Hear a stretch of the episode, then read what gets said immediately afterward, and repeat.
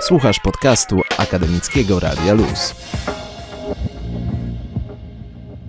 To jest temat szczególnie istotny w radiu, bo my nie istniejemy bez tego, że nas słyszycie. Pamiętajmy też o takich osobach, które mają swoje życie i niestety swoje problemy z tym związane. Dlatego udało mi się zaprosić na rozmowę w Akademickim Radiu Luz studentkę medycyny weterynaryjnej w Uniwersytecie Przyrodniczym we Wrocławiu, Zuzadnę Czekaj. Cześć Zuza. Cześć, dziękuję bardzo za zaproszenie. Jesteś dodatkowo bardzo aktywną studentką, co nas cieszy ogromnie w Radiu Luz, bo jesteś przewodniczącą samorządu wydziałowego właśnie na Wydziale Medycyny Weterynaryjnej i studiując właśnie taki kierunek, myślę, że taka właśnie empatia i myślenie o innych też może dlatego weszło ci mocno w krew. Tak, tak. Generalnie to, co czują inni, ale też ich zwierzęta jest dla mnie bardzo ważne. Dlatego jestem osobą, która lubi angażować się w życie społeczne, w życie studenckie i staram się pomóc no wszystkim po prostu tak, jak mogę. Jesteś jedną z osób, które zaangażowały się w projekt Studia na Migi, który będzie mówić o tym, jak wygląda sytuacja osób studiujących na uczelniach albo właśnie nie studiujących, przez że są społeczności głuchych. Dlatego, żeby rozwiać wszelkie wątpliwości, powiedzmy, jak naprawdę wygląda sytuacja tej społeczności i z jakimi przeszkodami się borykają. Podstawowym problemem osób głuchych w Polsce jest to, że są one niezrozumiałe. Tak naprawdę w naszym społeczeństwie jest nadal ten brak świadomości, że polski język migowy i system językowo-migowy nie są tym samym językiem. Polski język migowy, zwany PJM, jest naturalnym językiem głuchych z własną gramatyką wizualno-przestrzenną, która jest odrębna od języka polskiego. Natomiast system językowo-migowy SJM jest sztucznym systemem porozumiewania się, który opiera się właśnie na języku polskim. Dla osoby posługującej się PJM tłumaczenie w SJM jest bardzo no, sporym problemem,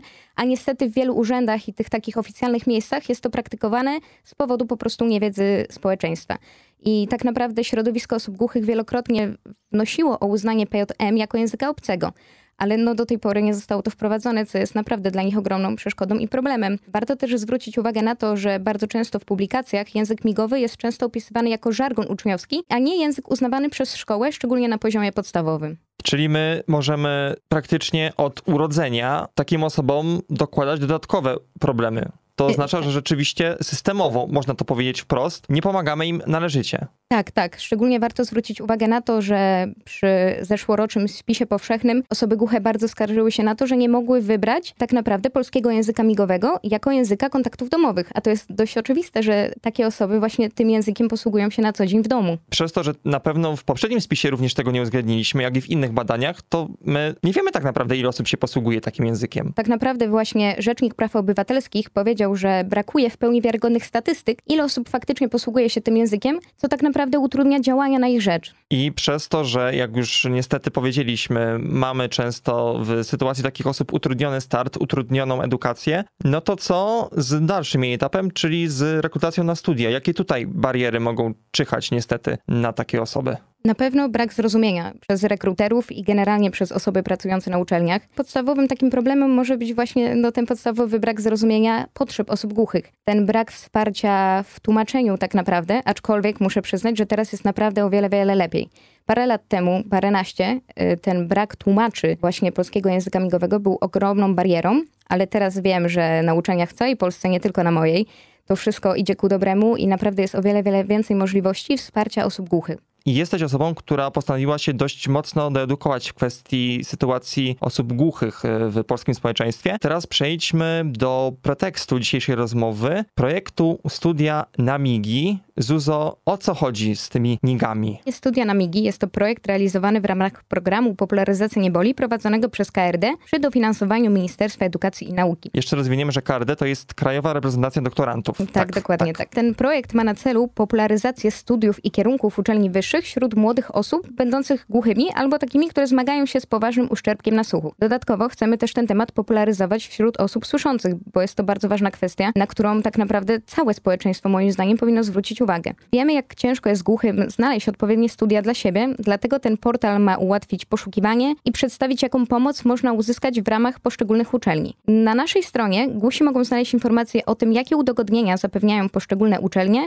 łącznie z odnośnikami i adresami mailowymi do różnego rodzaju biur wsparcia na uczelniach, które zapewniają właśnie pomoc osobom z niepełnosprawnościami. Dodatkowo przy każdej uczelni staramy się zaznaczyć najważniejsze kwestie dotyczące rekrutacji na studia, aby po prostu ten proces im ułatwić. Oprócz tego na naszej stronie możecie też znaleźć wypowiedzi głuchych absolwentów, którzy opowiadają o tym, jakim się studiowało, co było dla nich problemem, jakie mieli wyzwania, ale też pokazują, że dali radę i każdy głuchy da rady. Na studiach na MIGI znajdziecie też infografiki z prawami osób głuchych oraz takimi, które pokazują różnego rodzaju dane statystyczne, yy, które mają ukazać trudności, z jakimi borykają się osoby głuche. Czyli właśnie po wysłuchaniu takiej rozmowy, którą słyszycie, warto tam zajrzeć, warto się doedukować, ale teraz rozwijmy temat Twojego Uniwersytetu Przyrodniczego. Na szczęście ta kwestia na twojej uczelni jest, można powiedzieć, rokująca bardzo dobrze, bo co już właśnie tu uniwersytet umożliwia takim osobom, bo jest trochę tych rzeczy. Także co już robimy tu i teraz? Uczelnia zapewnia objęcie wsparciem przez Centrum Wsparcia i Dostępności UPWR i zapewnienie indywidualnej ścieżki wspomagającej ten cały proces dydaktyczny. Osoba głucha może starać się o wsparcie tłumacza języka migowego, dodatkowe zajęcia z języka obcego i innych przedmiotów, dopasowane do swoich własnych potrzeb zajęcia wychowania fizycznego, materiały dydaktyczne w formie pisemnej, przenośne pętle indukcyjne, które są bardzo ważne, bo one ułatwiają jakby słyszenie, tablice interaktywne, które ułatwiają zajęcia z języka obcego, zdawanie egzaminów w formie pisemnej albo przy pomocy tłumacza, wsparcie finansowe oczywiście też tutaj wchodzi w grę, materiały dodatkowe od prowadzących, wsparcie miękkie, w tym psychologiczne. W tym roku zostanie także zakupiony dostęp do tłumacza zdalnego dla dziekanatów i innych jednostek administracyjnych. Jest według Ciebie szansa, że ten projekt będzie również jakoś obecny na innych uczelniach, także we Wrocławiu, że to się rozrośnie, że to będzie trwało coraz dłużej i coraz szerzej się działo? Razem z zespołem już kontaktowaliśmy się z kilkoma uczelniami w Polsce, które udzieliły nam po prostu swojej odpowiedzi na temat tego, jakie wsparcie już zapewniają osobom głuchym. Generalnie wygląda to bardzo podobnie tak jak u mnie. To jest fajne i to jest dobre. Cieszę się, że uczelnie wychodzą po prostu naprzeciw i chcą pomagać osobom, które tej pomocy potrzebują. Mam nadzieję, że jeszcze więcej uczelni dołączy tak naprawdę do naszego programu. Mam nadzieję, że w naszym projekcie będziecie mogli poznać uniwersytety właśnie nie tylko z Wrocławia, ale też z innych miast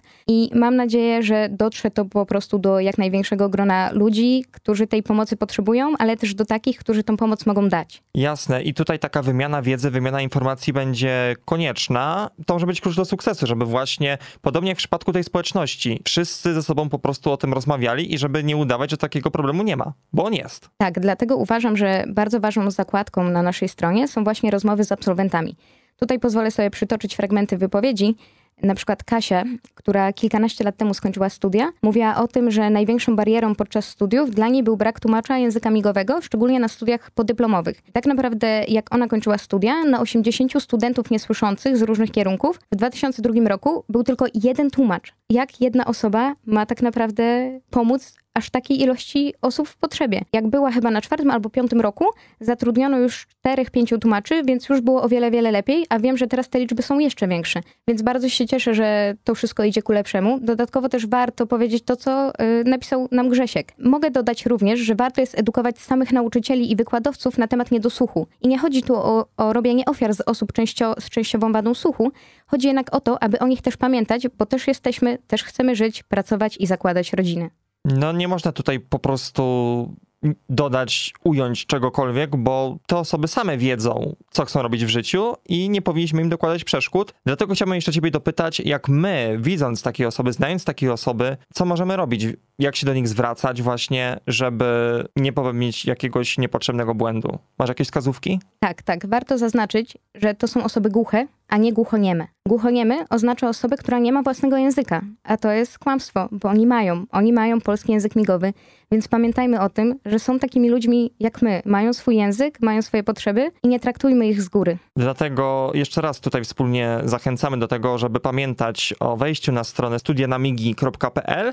Jeszcze macie jakieś inne media, na których można was śledzić i losy tego projektu? Możecie nas obserwować na Instagramie i na Facebooku Studia Namigi. I zakładam, że także będziesz się starać, aby z ramienia no, twojego Uniwersytetu Przyrodniczego również y, sama uczelnia tego typu materiały udostępniała. Myślę, że też się na tym skupiłaś. Tak, tak, tak. Od razu tak naprawdę jak ten projekt ruszył, rozmawiałam z panią Patrycją Krzemieniec z Centrum Wsparcia i Dostępności, która wyraziła ogromne wsparcie, jak sama nazwa wskazuje i naprawdę pozytywnie się wypowiadała na temat projektu. Napisała nam też takie polecenie po prostu, żeby pokazać, że ten projekt jest ważny i po prostu wiem, że jak będę chciała, jak będziemy chcieli, a na pewno będziemy chcieli w przyszłości jeszcze bardziej ten projekt rozreklamować i zachęcić więcej osób, będę mogła się pełni zwrócić do Uniwersytetu o pomoc, bo wiem, że ją uzyskam tak samo jak osoby głuche. Cieszy nas to, że będziemy mogli obserwować dobre losy, myślę, tego projektu, że mając okazję działać w radiu, pomagamy innym. To jest bardzo ważne, żeby myśleć o wszystkich, po prostu pamiętać, zwłaszcza, że idą święta, taki okres, gdzie właśnie się często spotykamy w grupach rodzinnych, osób bliskich, że wszyscy powinniśmy sobie pomagać. To jest chyba takie ważne przesłanie z tej rozmowy, które koniecznie trzeba zapamiętać. Dlatego dziękujemy Tobie, Zuzo, czyli Zuzanno Czekaj, która jest studentką Uniwersytetu Przyrodniczego we Wrocławiu i jedną z osób działających w zespole wokół projektu Studia na Migi. Dlatego bardzo, bardzo fajnie było Cię tutaj zaprosić i liczymy na to, że takie rozmowy jak ta właśnie pomogą w polepszeniu poziomu świadomości społecznej na tego typu tematy, o których jak sami rozmawialiśmy pomiędzy tymi wejściami, nas nie uczono tak naprawdę jako dzieci, jako nastolatków i mieliśmy z tym problem, e, nawet jako dorośli teraz przyswajać to wszystko, bo sam też e, dowiadywałem się o innych problemach, które taka społeczność ma. Także lepiej, żeby wszyscy o tym wiedzieli i także dzieci. Dokładnie tak. Dziękuję bardzo za rozmowę.